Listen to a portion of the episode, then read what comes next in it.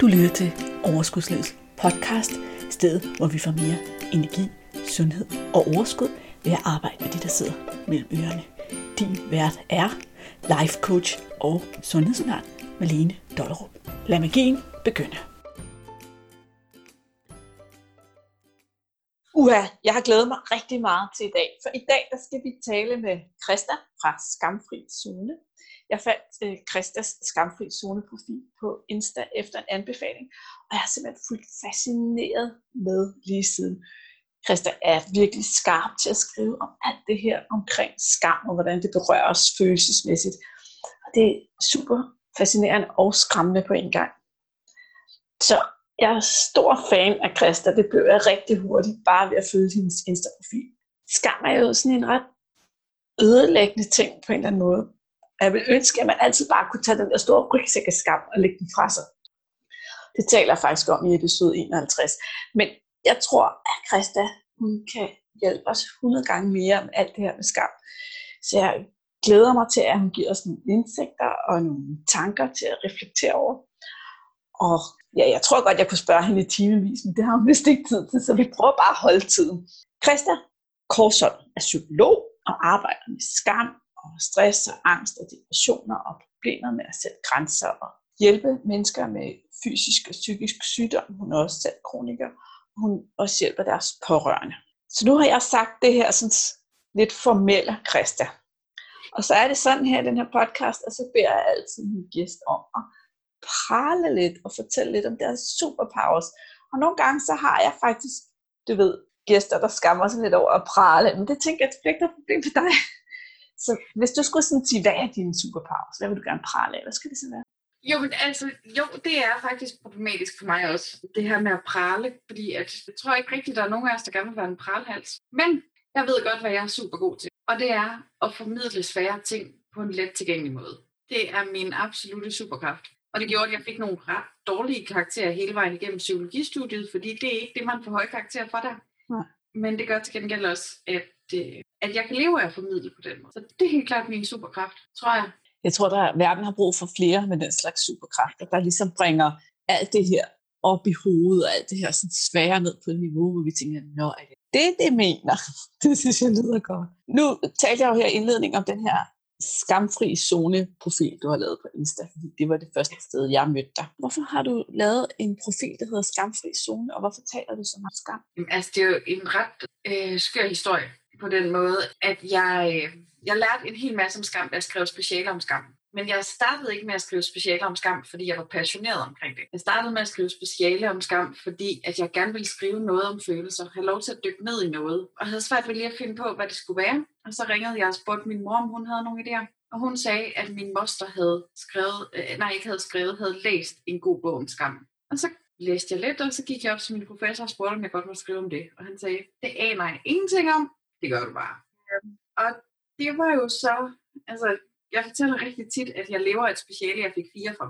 Men jeg lever også et speciale, jeg skrev, fordi at jeg turde gå efter det, jeg synes var spændende, frem for det, jeg vidste ville Og det er den del, jeg synes er sværere at sige, for det lyder lidt mere prallende. Men jeg vidste, at når jeg havde et halvt år, så ville jeg fordybe mig i noget, jeg synes var spændende, og ikke vælge det, som vi egentlig blev opfordret til, nemlig noget, hvor vi vidste, at vi kunne stille en rigtig god problemstilling op og kunne besvare den rigtig grundigt. Det gjorde jeg overhovedet ikke. Der findes ikke et eneste oversigtskapitel over skam i psykologien, så det er lidt det, mit speciale blev. Og så har jeg været vanvittigt fascineret af det siden, og enormt provokeret og frustreret over, at det er så oversigt. Og så, ja, så kom tv-serien Skam, og øh, så begyndte jeg så gå. og jeg pippede en lille bitte smule. Jeg var jo bare nyuddannet psykolog, jeg var faktisk på barsel der. Jeg skrev til nogen, der lavede en podcast, nej, jo, et radioprogram, på Radio 24 om tv-serier, hvor den ene havde sagt til den anden, hey, jamen, øh, den handler jo ikke om skam. Og så var jeg sådan, det gør den. Og det skrev jeg til at komme med der. Og der havde de besøg af Ditte Giese, som var debatredaktør. Og hun sagde til dem, hende der vil jeg godt snakke noget mere med. Og så over, nej, Ditte, hun beordrede mig til at komme til København og, og blive interviewet, fordi at jeg øh, lavede totalt det, man kalder imposter-syndrom, og var sådan fuldstændig, nej, men altså, du skal ikke snakke med mig, jeg, jeg ved jo ikke noget, og du er ansat på politikken, og det tror jeg ikke, du gider. Men Ditte, hun er verdens skønneste feminist. Hun bad mig lukke røven og sætte den på et tog til København. øhm, ja, Og det blev så det mest del, jeg læste på politikken i halvanden måned. Cool. Og jeg blev tilbudt to bogkontrakter. To den ene. Og så er det bare gået slag i slag. Øh, og selvom ja, Instagram-profilen er jo så nærmest det sidste, der er kommet til. Det var først efter, at jeg havde været selvstændig måneder, at så øh, jeg har haft en del samarbejde med dem, der hedder Jeg er mor. Og så havde de spurgt, om jeg ville lave Insta Takeover en uge på deres profil. Øh, og der oplevede jeg bare, hvad Instagram kunne i forhold til det her med at formidle kort, og så interagere med folk. Og der fandt jeg nemlig så på en dag der, om vi ikke skulle lave op i stories en, jeg kan, der, altså det var bare noget, der jeg kom til at kalde det, en skamfri zone om morskam. Og det gik fuldstændig amok.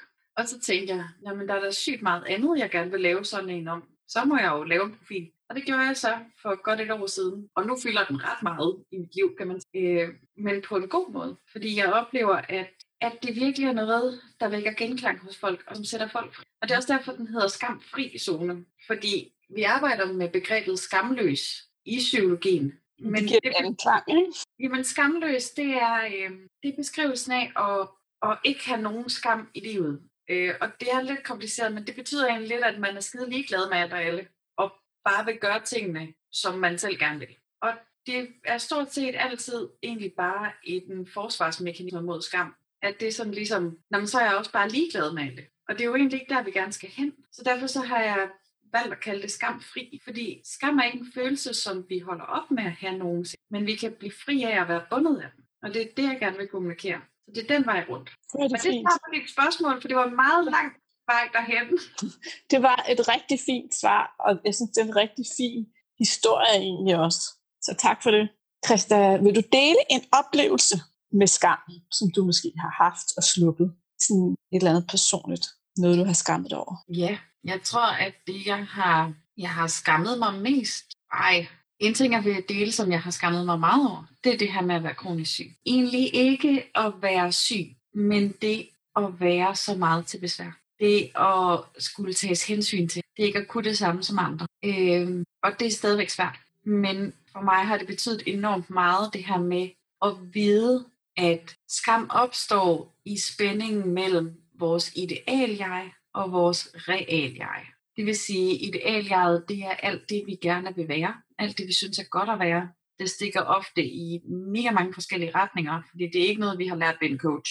Det er noget, vi ligesom har taget til os ligesom svampe gennem vores opvækst, at når man har hørt et eller andet, så tænker man, åh oh ja, jamen, men det er godt at være. For eksempel, at det er godt at have styr på sine ting, men det er også godt at være spontan. Så man kan tit ramle ind i, at, øh, ting, at nærmest lige meget hvad man gør, så øh, oplever man skam. Men for mig har det, og er det til stadighed, en ikke svær ting. Det her med at føle mig anderledes, føle at det går ud over andre, og at jeg er besværlig. Men jo mere jeg arbejder med skam, jo mere kan jeg tolke det netop som, ja, nu kom skammen igen. Fordi jeg er ikke, som jeg gerne vil. Sådan er det. Jeg har ikke al den energi, jeg gerne vil have. Jeg kan ikke alt det, jeg gerne vil. Og det går ud over andre. Men det er ikke mit valg. Det er mit vilkår. Og i virkeligheden, så siger det jo lidt noget godt om mig, at jeg gerne ville, at det ikke var. At jeg gerne ville, at vi som familie og så videre kunne alt det, som vi ikke kan,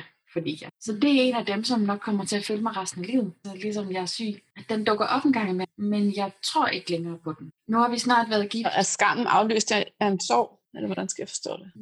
Ja, øh, på en måde. Men på en måde, så er den der også bare, uden at jeg tror på den. En gang der handlede jeg efter den. Vi har været gift i 11 år lige om lidt. Og jeg prøvede faktisk at gå fra min mand, inden vi blev gift, fordi jeg synes det var for synd for ham, at han skulle have en psyko. Så dengang var jeg styret af den. Dengang som tænkte jeg, at, at det ligesom var sandheden. At den der følelse af, at, at jeg ikke duede, at den var sand. Han bad mig heldigvis om at holde kæft, og det skulle han nok selv bestemme. Men dengang, der var det noget, jeg sådan ligesom tog for gode varer. Nu dukker den op, og så kan jeg være træt af det. Nogle gange så føler jeg mig også mega forkert. For et par år siden, der skulle min søn holde fødselsdag i børnehaven. Og så var der et benspænd, der gjorde, at det så skulle blive til frokost dernede. Og øh, jeg har altid kvalme. Og hvis der er noget, der giver mig forfærdelig kvalme, så er det et frokostbord med pålæg om, og råbrød. Altså jeg undgår det som pesten. Jeg kan simpelthen slet ikke være i det. Og det er mega besværligt. Altså jeg, jeg holder aldrig frokostpause samtidig med andre. Jeg, altså, jeg kan det ikke. Men det at sidde til min søns første fødselsdag i børnehaven, og være nødt til at løbe ud og kaste op tre gange, det var så skamfuldt. Og jeg følte mig så forkert og så udulig som mor, at jeg nærmest ikke kunne holde mig selv. Men så kom jeg jo hjem og fik tudet færdig over det, og så fandt jeg ud af, okay, jamen næste gang, så må vi holde det til formiddagsmad. Altså, sådan bliver det bare. For det der, det kan jeg ikke, men det dømmer mig ikke ud. Det gør ikke, at jeg ikke kan være en god mor, men jeg følte mig stadigvæk forkert, og det behøver vi heller ikke. Vi behøver ikke komme væk fra at kunne føle os forkerte, så længe vi ikke tror på det. At følelsen kan godt være der, men at vi ved, okay, jamen det her, det, det er de tanker, der kommer, når jeg føler skam. Det er de følelser, der kommer, når jeg føler skam, og de er helt naturlige i den her sammenhæng, fordi at jeg ikke er alt det, jeg gerne vil være. Og det bliver jeg jo heller ikke. Heller ikke, selvom jeg er rask. Nej, det så også tænker. Det er der nok ikke nogen af os, der bliver.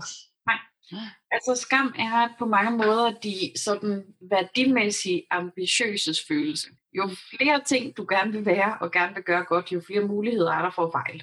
Og eftersom ingen af os nogensinde lever op til vores idealer 100% af tiden, så vil vi opleve skam nogle gange. Forskellen er bare, om vi tror på den eller ej.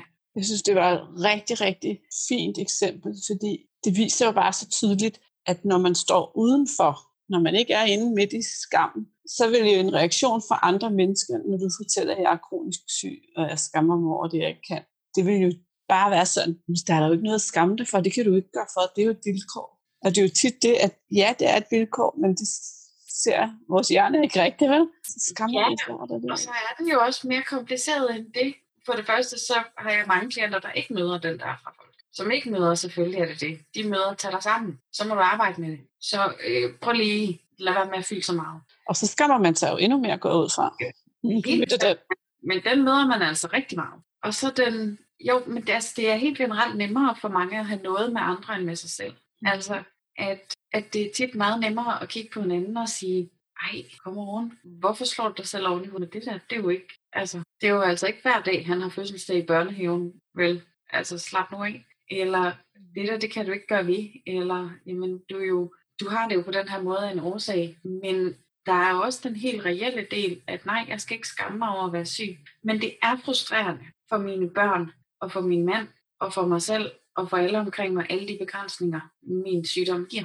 Det er det. Forskellen bliver meget, om den frustration bliver rettet mod sygdommen eller mod mig. Og det er tit, når jeg arbejder med pårørende og også nogle syge, at så prøver vi at skille den her øh, sygdom ud som en fælles tredje, man kan være træt af sammen. Fordi hvis man ligesom kommer til at enten som, som den syge og tage det på sig, hver gang andre er træt af det, så bliver det jo noget, man sådan ligesom ser som, du er træt af mig. Eller man kan, kan som, som pårørende have svært ved at udtrykke og få lov til at udtrykke sin frustration over de begrænsninger, der er, uden at komme til at føle sig som et dårligt menneske. Så den er jo på overfladen, er det netop det kærlige og dejlige, at du siger, jamen når man ser det udefra, så man, det skal du ikke skamme dig over. Nej, men det er jo super kompliceret. Det koster en masse. Og der er ikke nogen af os, der har lyst til at have det sådan her.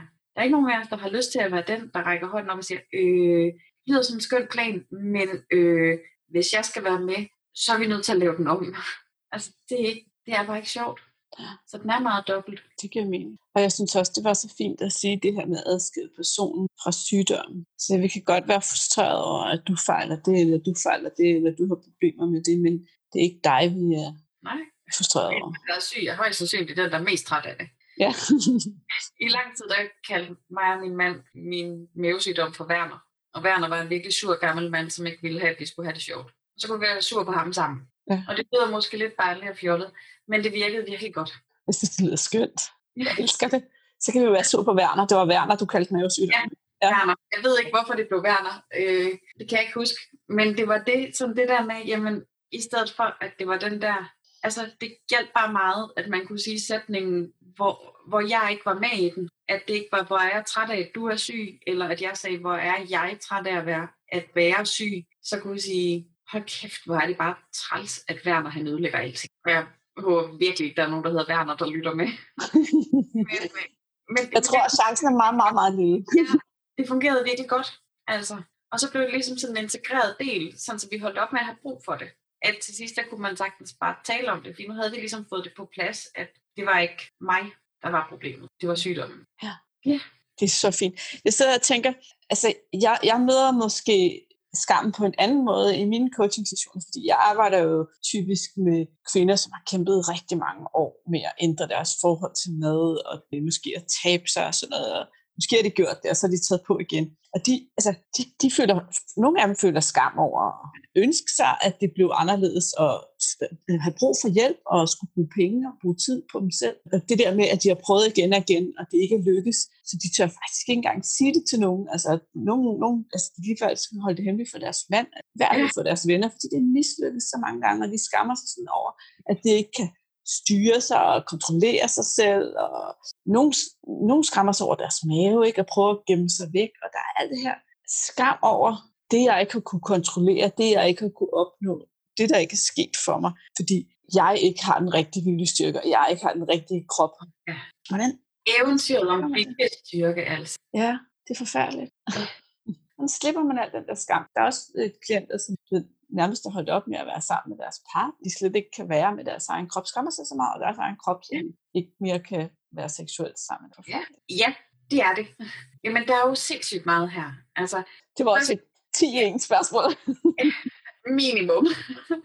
Men jeg sad jo bare nikket hele vejen igennem, fordi jeg genkender jo det hele. Altså, jeg har hørt det så mange gange. Lad os lige tage den der med viljestyrken først. For det første, så er det sådan i vores samfund, at man altså mere eller mindre bliver dømt for alt, hvad der kan besvares med styr dig.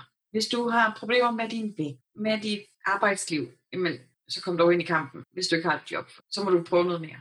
Eller øh, penge. Alle mulige ting, hvor man kan sige, styr dig. Det er skamfuldt. Al misbrug, og især det her med vægt. Fordi vi har den her myte om, at slanke mennesker, de har høj viljestyrke, og mennesker, der vejer mere, har mindre vilje. Det er ikke sådan, det foregår. Det er det ikke. Nej, det er det ikke. Jeg havde et øh, par i terapi på et tidspunkt, hvor vi talte om, øh, øh, om den øvelse, jeg har, der hedder rundkørslen, som sådan ligesom handler om rundkørslen. Det er den her uro, vi oplever. Det kan være angst, det kan være konflikt, det kan være alt muligt. Det kan være skam. Og den kan mennesker ikke holde ud at være i, så vi tester alt muligt i vores liv for at se, om hjælper det her. Og hvis det, du har lært dig, hjælper, altså det, som du fandt ud af, gav en pause fra det, det var at spise, jamen så vil du gøre det. Fordi der er ingen mennesker, der har viljestyrke nok til at blive inde i ubehaget. Sådan fungerer vi simpelthen ikke. Altså helt hjernemæssigt. Så er der nogen, som finder ud af, at øh, det, der hjælper, det er at ryge hash, eller drikke, eller løbe en tur. Jeg har løbet en tur meget bedre her. Eller... Nej, men, men det er faktisk den samme ting. Der er bare nogen, der har, og, og det er jo super, altså sådan rent fysisk, det er jo sundere. Jeg plejer at sige, eller shoppe, eller gamble, ja, eller... Ja. alt muligt, eller isolere sig, eller altså, hvad som helst, der hjælper. Altså, det er det, vi lærer, og så gør vi det. Og så er der mange, der siger, at jeg skammer mig det øjeblik, jeg tager en bid af noget. Nej, det gør du faktisk ikke. Fordi hvis det ikke havde bare den mindste effekt på dig af lettelse, så vil du ikke gøre det. Der er et glimt først af noget andet, og så dømmer du dig. Og det er okay, for du har fundet noget, der virker. Og det her ægtepar, der fungerede det sådan, at han havde altid øh, håndteret den her urofølelse med at komme ud og være fysisk aktiv. Så når der var konflikt, så i stedet for at blive konflikten løst, så trak han i løbeskoene, altså så smed han hænderne op og sagde, jeg skal ud og løbe. Og så tog han ud og løb, og så stod hun og følte sig endnu mere forladt. Og så gik hun i slikskabet, og folk klappede af ham, når han løb halvmarathon og spurgte hende, om hun ikke snart skulle til at styre sig. Der var lige lidt viljestyrke i de to ting, de gjorde. De gjorde bare det, der virkede for dem, som de havde lært på et eller andet. Og for det andet, så, altså, så er vores hjerne altså hardwired til at søge mad af høj energi. Især hvis vi er presset, fordi så tænker den, at vi stadigvæk bor på savannen, så skal vi have noget med høj energi. Altså, der er en masse, masse ting, som har intet med viljestyrke at gøre. Det er bare den primitive hjerne, der vil gerne sikre vores overlevelse, ikke? Ja, og fordi at det er meget nemmere at få fat i meget kalorieholdige fødevarer.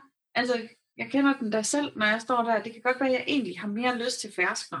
Men det er 2. februar, så det kan jeg ikke få. Men jeg kan altid have slik i skabet, som ikke lige bliver for gammelt, eller rådner, eller hvad det nu er. Det, altså, der er så meget andet i spil, og det er jeg ikke den, der er klogest på, men der er så meget andet i spil. En ryggrad og en viljestyrke. Det er altså faktisk ret sjældent præcis det, det handler om. Og så kan vi som terapeuter og coaches osv. hjælpe folk med at bygge nogle veje ud af den der rundkørsel, som rent faktisk får dem et godt sted hen. For problemet med de her quick fixes, som vi finder, det er, at det er blindveje. At han fik lige ind i rundkørslen igen. Fuldstændig. Ja, ja. Jamen ham, der tog ud og løb, i stedet for at konfrontere sine problemer, han røg jo tilbage fordi der var ikke løst noget. Han var bare stukket af. Flugten var præcis det samme, om det var ved at spise noget eller ved at løbe. Det var bare mere socialt acceptabelt at løbe, og sikkert også bedre for hans krop, men stadigvæk, der er ingen psykologisk forskel i viljestyrken. Viljestyrken havde været at blive og tage konflikt, eller blive enige om, nu tager vi en. Men det var ikke det. Så deres viljestyrke var lige lav. Det er simpelthen en myte. Dernæst så er der alt det her med kvinder. Altså, hvad, undskyld mig, hvad fuck kvinder ikke skal leve op til i et alder. Det er jo fuldstændig åndssvagt. Ja. Det kan ikke lade sig gøre. Nej. Og vi ved fra forskningen, at det fungerer sådan, at mænd har deres identitet i sådan nogle større blokke. De har det i deres arbejdsliv, de har tit en stærk blok, ikke nødvendigvis fysisk, men sådan, man skal være robustagtig. Så har de også tit i den her, jeg er en, der har en kvinde, eller en partner i det hele taget. Og vi ser, at mænd, de meget nemmere går ned med stress og depression, og faktisk også ofte op selvmord, når de mister deres job, går på pension, eller når familien går i stykker. Fordi de har, sådan, de har det meget mere samlet. Vi kvinder lever ofte mere med skammen som sådan en fuldstændig trofast følgesvend, for der er aldrig noget, der bliver godt nok alligevel. Hvis du har virkelig fået tabt dig, så har du nok forsømt din familie i mellemtid. Eller hvis du er virkelig, virkelig dygtig på dit arbejde, så bliver der stillet spørgsmålstegn ved, om du så bruger nok tid derhjemme. Og du skal jo også være blid og venlig og se godt ud. Fordi kvinder skylder åbenbart verden at se godt ud. Åbenbart, ja. Og være Altså- sexet, ikke? Og Jo? Men ikke for sexet, fordi du skal helst heller ikke forstyrre med din sexethed, vel? Kun i byen. Altså, og så videre, og så videre. Det bliver aldrig... Du kan ikke nå i mål med noget af det. Altså, selvom jeg er selvstændig psykolog, og har fortalt både skolen og børnehaven, jeg slukker min telefon timevis hver dag, fordi at jeg har klienter. Så prøv at ringe til faren som den første. De ringer altid til mig, for jeg er moren. Altså selvom det står lige der ved siden af. Men jeg er moren, så selvfølgelig ringer man til mor. Og så videre, og så videre, og så videre. Og jeg oplever det gang på gang på gang, at når jeg er ude og holde foredrag, så spørger folk, hvem passer børnene? Min mand, altså deres far. Jeg ved ikke engang, om man kan sige, at han passer dem. Han er vel sammen med sine børn. ikke. Nej, altså, Det er sådan en job, han har, fordi du er væk. altså, nej, nej, nej, altså, men folk de spørger. Altså, det er virkelig det der, det er så langt ud. Øh, altså, og det fylder bare alle steder. Kvinder, og, og det er jo ikke bare noget, man... Jo, vi kan godt gøre op med det som kvinder individuelt, men det er rigtig svært, for det er sværere for en kvinde, der vejer mere, at få et job, end en mand, der vejer mere. Det er også uhyggeligt, ikke? Så det er jo ikke bare noget, altså det bliver rigtig tit lagt over også den her løsning på kvinderne, men det skal du ikke tage dig af. Nej, men hvordan skal jeg lade være med at tage, det, tage mig af det, når det faktisk fungerer samfundsstrukturelt sådan, at det er sværere for mig med en BMI på 31 at blive taget seriøst, end en mand med en BMI på 31. For sådan er det. Så det er super komplekst. Og så er jo igen den der som nummer 8 eller sådan noget, du nævnte. Ja. øh, med at, øh, jamen jeg har prøvet før, der lykkedes jeg ikke. Nej, det er nemlig så svært at være sårbar omkring de her ønsker. Fordi at vi har den her idé om, at vi har en kæmpe stor valgfrihed i vores liv, og vi kan jo bare gøre noget ved det, hvis vi vil. Så hvis du er utilfreds med, hvordan du ser ud, hvorfor gør du så ikke bare noget ved det? Så det bliver lagt virkelig over til en som sådan, men det er jo dig, der er fuldstændig afgørende for, om du lykkes eller ikke lykkes.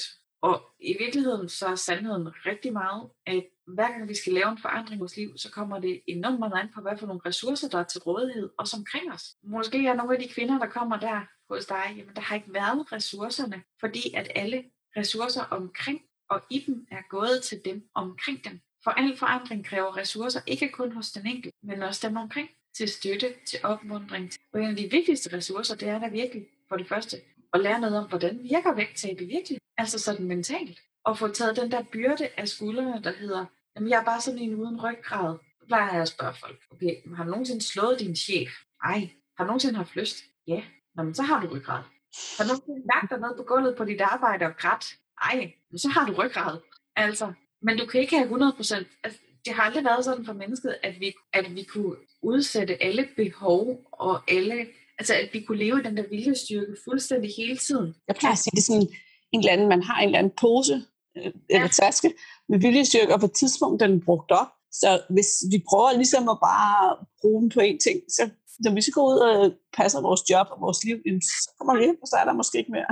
Så det er en dårlig plan at tro, at det alt skal fungere. Jamen, det er en rigtig, rigtig dårlig plan, fordi sådan har det aldrig fungeret. Altså, det, og det kan det ikke. dem, der lever så meget i kontrol, de bliver virkelig syge. Og de mister også ret hurtigt kontrollen til kontrollen. Altså, så det, det er super kompliceret, og det er en forfærdelig måde, vi taler om vægt på i det hele taget. Jamen, så kan vi give en belønning til dem, som har holdt deres normale vægt lort. Altså, det er jo ikke sådan lortet for Altså, jeg, jeg, jeg, jeg, altså, jeg bliver så træt af Jeg bliver så træt af, hvor meget fokus der er på vægt. Jeg har aldrig været mere, end jeg gør lige Men jeg har oplevet i de perioder i mit liv, hvor jeg har haft rigtig skidt og tabt mig enormt meget. Og få enormt meget ros. Og føle mig så skamfuld. Fordi jeg for det første ikke havde gjort det, som alle forventede, nemlig at det var intentionelt, og jeg virkelig havde kæmpet for det. Og dernæst så følte jeg mig så komplet overset, at jeg kunne ikke spise noget. Så du havde det super dårligt, og det eneste folk, de så, det var, nej, hun har tabt. Ja, og hvor er det flot. Indtil en dag, så mødte jeg, jeg var nede i den kirke, vi kom i på det tidspunkt, og der var en, en kvindelig præst, som, øh, som har været kronisk syg rigtig meget. Øh, og, og nok også til del stadigvæk er det. Og da hun kiggede på mig og sagde, Christa, du har virkelig tabt dig. Er det godt eller skidt? Jeg bare grædende sammen, fordi jeg blev så taknemmelig over, at hun så mig. Det føltes simpelthen så vidunderligt, det der med, at hun spurgte mig. Hun konstaterede det som noget neutralt. For det var tydeligt, at jeg havde tabt mig rigtig meget, og så spurgte hun, er det godt eller Og så kunne jeg sige, jeg synes faktisk, det er vigtigt, fordi jeg har ingen kontrol over det. Jeg kan bare ikke få mad med. Og det er netop der, hvor det bliver så problematisk, at vægt er så, er så mega værdiladet. Altså en af de syv øh, tegn på kraft, man skal holde øje, ved, holde øje med ved sig selv og ved andre, det er hurtigt vægttab. Og alligevel, så er det en af de ting, som vi sådan opfører som om, at det er altid positivt. Og det er det bare ikke. Så jeg synes, det er voldsomt, voldsomt brug. Og også, at det netop, som du siger, også bliver faktisk skamfuldt at have lyst til at tabe sig. Fordi at det går jo imod kropsaccept, ikke? Jo, jo, der er ikke nogen rigtig måde, vel? Man må ikke være tyk, og man må ikke have lyst til at tabe sig, og man må ikke, altså... Altså, du, der, er, der er ingen vej ud. Og det er jo det, der bliver så problematisk, at lige meget hvor du går hen, så er det ikke okay. Altså, og det er jo alt det der, der skal pilles af, for at man, eller at man i hvert fald kan identificere det. Det der med, og det lyder måske lidt omvendt, men det er rigtig vigtigt at lære skatten stemme i liv og kende, så man kan genkende den og sige, nå, det er den, der snakker. Det behøver jeg ikke tage seriøst. Øh, det, det er enormt virksomt, fordi vi kommer jo ikke til at kunne pille alt det her af folk bare sådan. Men vi kan få dem til at holde op med at tro på, at det er rigtigt. Jeg tænker også, det må i hvert fald være det første step at forstå, men det er faktisk uden kontrol. Ja. Så hold op med, eller det kan man jo så ikke sige, men, men du har tilladelse til at holde, altså at stoppe med at gå og stå dig selv oven i hovedet med det, ikke? Jo, lige præcis. Og bare, altså, det er jo præget af så sindssygt mange ting, vores forhold til mad. Det er helt ekstremt. Men ja, den første, det er det der med at finde ud af, okay, men bare fordi, at jeg tænker, at jeg ikke har nogen viljestyrke, så er det ikke nødvendigvis sandt. Og bare fordi jeg føler, at jeg er forkert, fordi jeg vejer mere, så er det ikke nødvendigvis sandhed. Eller at jeg føler, at jeg, altså den der kropsaccept og kropskærlighed, der er også ja, men så må vi altså lige tilbage til, hvad kærlighed er. Jeg elsker altså også min mand. Det betyder ikke, at jeg ikke nogle gange synes, han er dum. Og det betyder heller ikke, at jeg ikke arbejder konstruktivt ja. vores forhold. Altså, og jeg elsker mine børn, og hold kæft, hvor jeg er træt af dem tit. Sådan er det også at elske sin krop at det betyder ikke, at det skal føles rosenrødt, eller du skal kunne lide alting. Det betyder, at du er taknemmelig for den, at den findes, og den fungerer sådan rimelig, og at den bærer dig i livet og ikke har givet op endnu. Men du må gerne sige, hey, det her, det, jeg vil gerne have et lettere liv, både fysisk og psykisk måske. Jeg vil gerne gøre noget andet. Det må du gerne. Og du kan godt elske din krop imens. Åh, oh, det er så smukt sagt. Perfekt, ja. Det er, det, det er en af mig og Ninas telefonsamtaler du nævnte lige inden vi gik på, at du nok havde fundet mig gennem Nina Q. Ja. Det er en af det, vi har snakket rigtig meget om, det der med, hvorfor er det, at det at elske sin krop skal blive enormt. Sådan er alt andet, vi elsker jo ikke. Jeg, jeg er lige i gang med, mens vi sidder og laver det her og afholde i, jeg har kaldt det en kropsaccept challenge, som faktisk netop handler om det her med, at vi godt kan lære at acceptere og holde af vores krop. Måske, vi behøver ikke elske den, men, men sådan have et godt forhold til den, og stadig ønske forandring for den. Og det var faktisk det, du var super fint formuleret. Ligesom, og, og den der parallel til forholdet, synes jeg var super fint. Ligesom jeg elsker min mand, det betyder ikke, at jeg ikke engang er irriteret på ham, eller der ikke er noget i mit forhold, så der godt kan blive rettet op. Men grundlæggende, så elsker jeg ham og vil ikke. Jeg synes, det er super fint, altså parallelt der. Ej, hvor sjovt, at det lige passede sammen. Så øhm, altså, jeg kan ikke lade være at tænke, at sådan en følelse som skam, Altså, den virker jo virkelig ubrugelig. Hvorfor findes sådan en følelse overhovedet?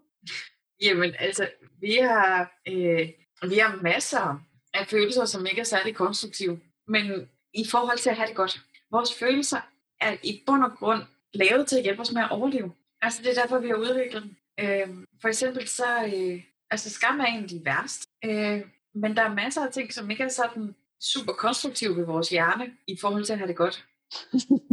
det må man sige. Det er mere fokus på overlevelse end på Jamen helt vildt. Alt farligt tager vi imod som velcro, fordi vores hjerne fungerer så, at det skræmmende, så er det vigtigt. Hvilket er en rigtig god strategi, hvis man ligger på savannen og lytter efter løver, når man skal falde i søvn. Jo ikke så tænker man også endnu mere negativt, når man ligger ned, fordi at rent evolutionært, så er det der, du er allermest i fare for at blive overfaldet. Ja, det læste jeg også i et af dine øh, ja. opslag. Det, det var super fascinerende det her med, når vi ligger os ned, så tænker vi mere negativt, fordi det er farligere. Det er jo en god viden at have. Det kan jo faktisk betyde, okay, hvis du summer rundt deroppe med negative tanker, så er det tidligere, vi kommer på, hvad hedder det, højkant. Når jeg har virkelig slemme smertedage, så placerer jeg mig nede i sofaen med en masse puder øh, under ryggen, sådan så jeg netop kommer op i siddende stilling, fordi så tænker jeg mindre negativt. Altså, hjernen er ikke lavet til at hjælpe os med at have det godt. Det er den simpelthen ikke. Øh, og det som grunden til, at vi har skam. Det er fordi, at skam er frygten for at være uværdig til fællesskab. Ah, det giver mening. Ja. Det er frygten for, at ingen vil kunne lide mig. Folk vil kigge på mig, som om jeg er ulækker. Som om jeg er noget, man skal holde sig fra, hvis de kendte mig. Hvis de vidste. Og det er jo faktisk også noget af det, som folk der er overvægtige, oplever, at folk kigger på dem med afsky. Og vi mennesker, vi er kodet helt ned i vores DNA til at være sociale. Vi kan ikke leve uden andre. Det kan lade sig gøre cirka nu, men altså hvis man bare kigger på, hvordan vores art fungerer, altså en baby er det mindst nyttige, du kan finde nogen steder. Altså, der er næsten ingen dyreunger, der er så hjælpeløse og besværlige, som babyer er. Det er helt ned i vores DNA for hende. Og skam er frygten for, at der er noget ved mig, der gør, at jeg ikke må være med. Og det er så skræmmende, at det knytter sig til vores dødsangst. Og derfor så bliver følelsen enormt voldsom.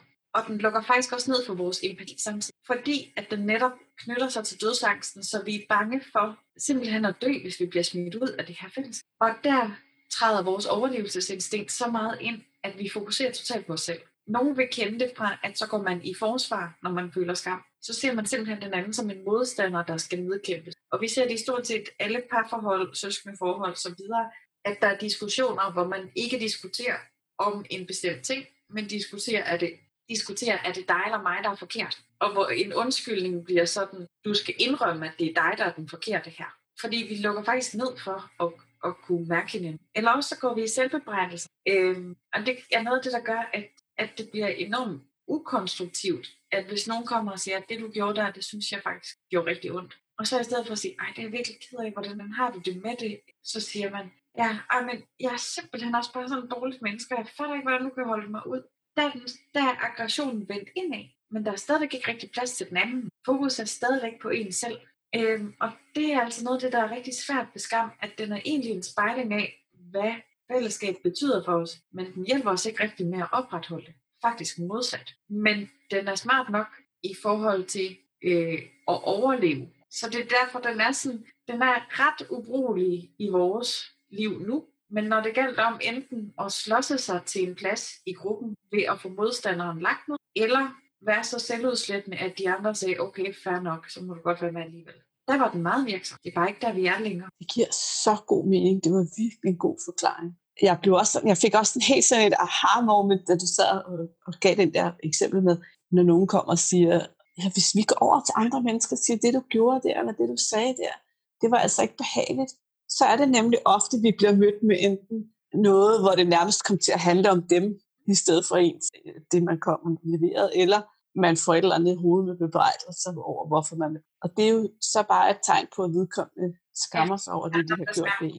Og så kan vi jo alle sammen begynde at tænke over, hvordan er min reaktion, når jeg skammer mig over noget, når jeg bliver konfronteret med noget udefra.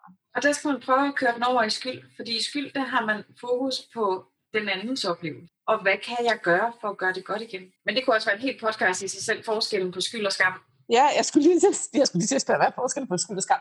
Men det tror jeg, Ja, vi skal, vi skal... Forskellen, meget, meget kort, bare lige... Ja, lad os få den. Meget kort, det er, at i skam, der tænker vi, jeg er forkert på grund af det. I skyld tænker vi, det jeg har gjort, eller ikke fået gjort, er forkert. Så den ene dømmer hele mig, og den anden dømmer en. Og det er derfor, det bliver så voldsomt ved skam. Ja. Og det er derfor, at den faktisk ender med at blive asocial. Og det har overrasket forskere sindssygt meget, for man troede altid, at hvis du virkelig synes, at der var noget galt med dig, så var du også topmotiveret for at ændre det. Nej, sådan fungerer det ikke. Så bliver man faktisk bare håbløs af det. Hvilket du nok også oplever det omkring tusind gange. At folk kommer til dig og sådan lidt, jamen, altså jeg tror jo ikke engang på, at det her det ikke kan lade sig gøre.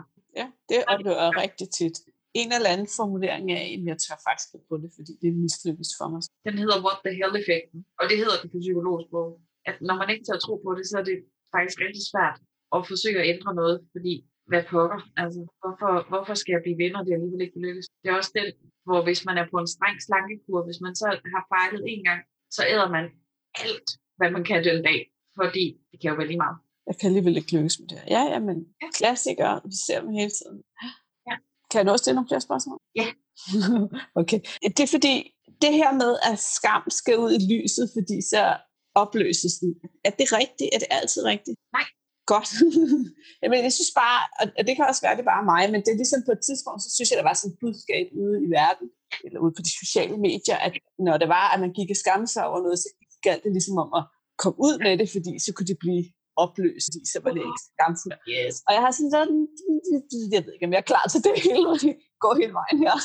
Nej, og det er faktisk, det er enormt synd, fordi det kommer fra Brené Brown, som er enormt dygtig. Og det kommer så af, at folk ikke har hørt ordentligt efter. Øh, for som hun siger, nej, skam kan ikke overleve. Men bare fordi vi sætter det ud i verden, er det jo ikke sikkert, at det bliver mødt med lys.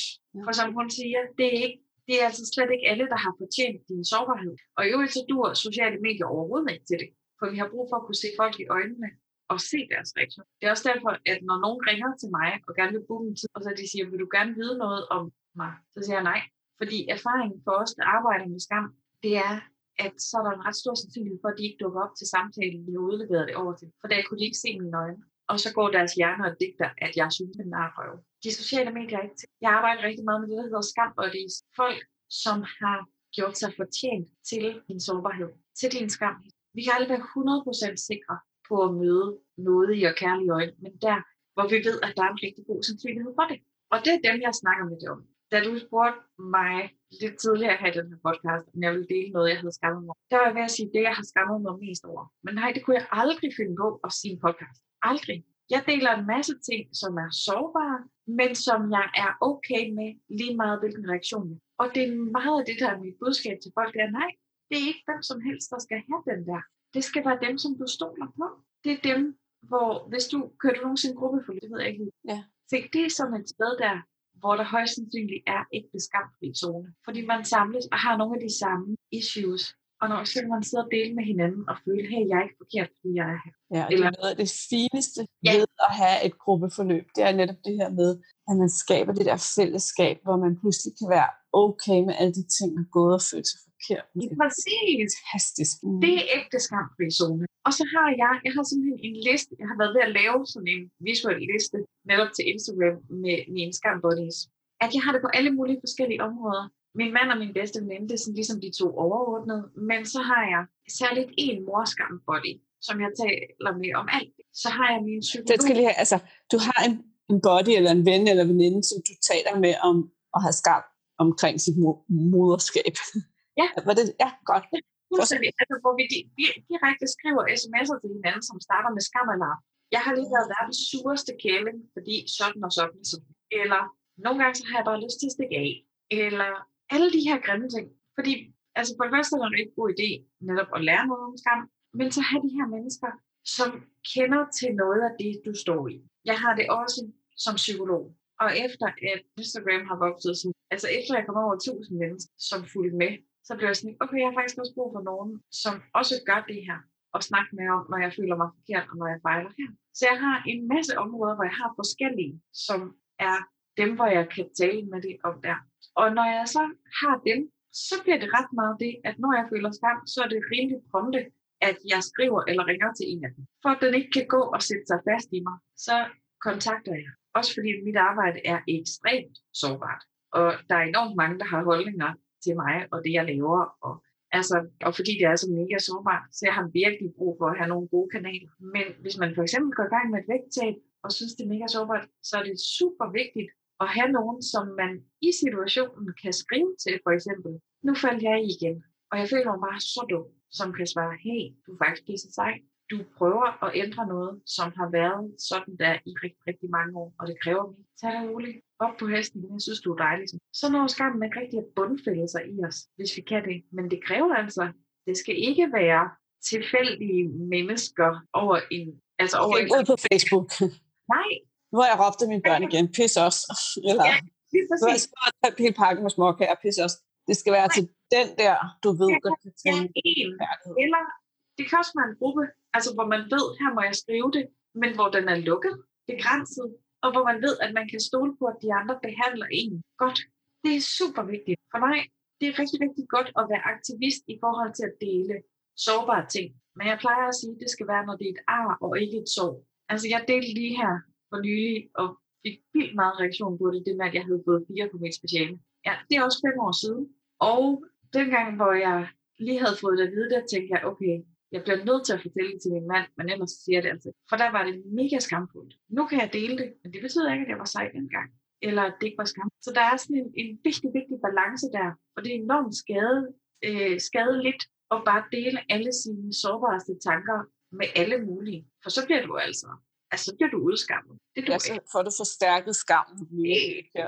ja, men kan du så ikke bare tage dig sammen, er jo det værste, man kan fortælle en, der lige har tømt kassen med smokke. Så det, du gav os et billede af her, det var egentlig det, som du beskriver som at have sådan en skamfri zone live, altså en real life. Hvordan opbygger vi som mennesker skamfri zoner, så vi kan komme af med alt det her, så vi ikke skal gå og kæmpe med skammen, som er forbundet med dødsangsten, og derfor er en skidt følgesvend at have. Det er nok. Ja. Mm. Det var en super fint, super fin måde eller input til os. Så nu strammer jeg den lidt, for nu er jeg så også spørge dig, om du sådan kan foreslå en eller anden øvelse, eller en eller anden ting, som, som lytterne ellers skal gøre øh, her nu, eller når de har en ledende stund, hvis de gerne sådan vil arbejde med for eksempel noget, de måske er skammet sig over i overvis eller noget. Ja, jeg vil faktisk gerne bede folk om at starte med at kigge på det der med ideal jeg Simpelthen få sorteret ud. Hvis man lige tænker, hvordan gør man det? Så skal man bare begynde at skrive sætninger med alt, hvad du synes, man bør være, og alt, hvad du synes, man ikke bør være. Og så simpelthen begynde at gennemgå dem. Hey, jamen, er jeg enig i det her? Er det min, den her? Eller er det bare noget, jeg har fået påklistret, fordi jeg er bange for, at der er nogen, der dømmer mig ude, hvis jeg ikke gør det? Er det sådan en af de, de bedste øvelser til sådan lige at komme ned i, jamen hey, hvorfor, hvorfor bør man ikke veje for Og hvad er for mig? Hvorfor bør man? Hvorfor, altså en af dem, jeg virkelig har gjort op med, det er, hvorfor bør min kvindekrop ligne, at den aldrig har født børn? Hvorfor er det en af dem? Smukt, ja. Hvorfor? Altså, hvorfor er strækmærker og løs mave? Altså, undskyld mig, men for pokker, der er ingen af os, der er her, hvis der ikke er en kvinde, der har lagt op til. Hvorfor er det en af dem, der som jeg virkelig sådan har været sådan, ej, hvor er det sindssygt, at jeg har fået det pålagt gennem medier, jeg ved ikke hvad, at det det, jeg skal stræbe efter, at min krop skal lide. Det gider jeg ikke. Nej. Uh, og det betyder ikke, at jeg så skal lægge bikini-billeder ud af mig med mine strækmærker. Ah, nej, altså det, jeg må gerne finde min egen comfort zone i det. Men det er bare sådan en af dem, hvor jeg sådan, hver gang der kommer et eller andet ind i mit hoved, som er omkring det, så er jeg bare sådan, come on, det der, det, det, det gider jeg simpelthen ikke høre på. Men det kan også være for eksempel, man bør altid gøre sit bedste. Okay, har, hvor mange gange har den sætning været ved at få dig ikke? Kan vi ikke omformulere den til, man bør yde det, som man har mulighed for at gøre, uden at ødelægge sit liv. Kunne vi kalde den det i stedet for, for eksempel. Altså, jeg, vil, jeg vil gerne omformulere den endnu mere. Altså, jeg, jeg vælger at... Yes! Fordi yes. jeg springer i virkeligheden alt det der bør. Der er sådan en tung følelse over alt, hvad jeg bør og burde ja. gøre. Jeg plejer at sige, at der er ikke forskel på burde og byrde i vores sind. Nej.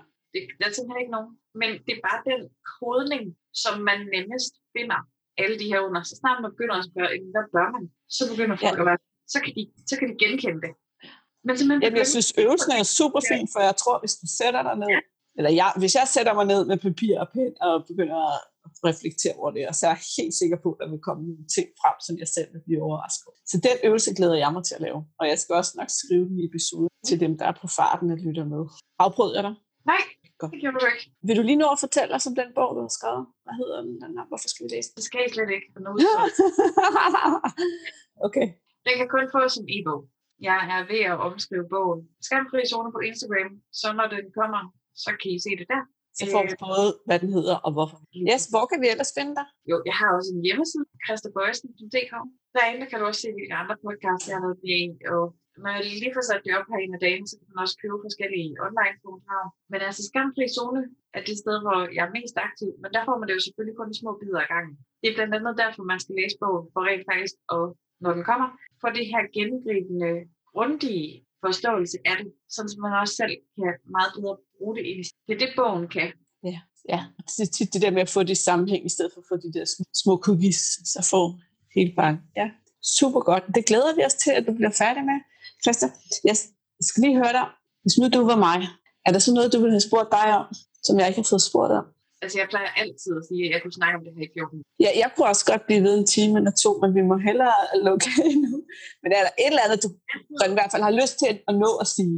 Nej, jeg synes, vi har været rigtig godt omkring det. Jo, jo, den sidste, det er, hvis der er noget, som jeg synes er så tydeligt, især gennem det her arbejde med skam, det er, at det er som om, vi har glemt, at vi, som om idealet er, at vi skal være robotter, som hele tiden er styret efter fornuft og viljestyrke og have styr på alt. Sådan er det bare ikke at være menneske, og det har det aldrig været. Og det er simpelthen overhovedet ikke sådan, vi mennesker, vi fungerer sammen. Altså, det, det er et skrækkeligt ideal. Og, men det er som om, at det er sådan, det fungerer. Og det vil jeg allerhelst, at det er det, vi gør op med. At det simpelthen ikke så fungerer med. Hvor var det fint. Det var virkelig, virkelig smukt. Jeg synes, det var en super god afslutning. Tak skal du have, fordi du ville bruge din tid og berige os med alle de kloge ord om skam. Det var fantastisk. Tak. Hej. Hej. Hey, inden du løber, glem ikke at abonnere på podcasten, så du ikke går glip af en eneste episode. Og skulle du have fingre i den gratis videotræningsserie Vægtab med din hjerne, så smut ind på overskudslivet.dk videoserie, så lander den første video i din indbakke i dag.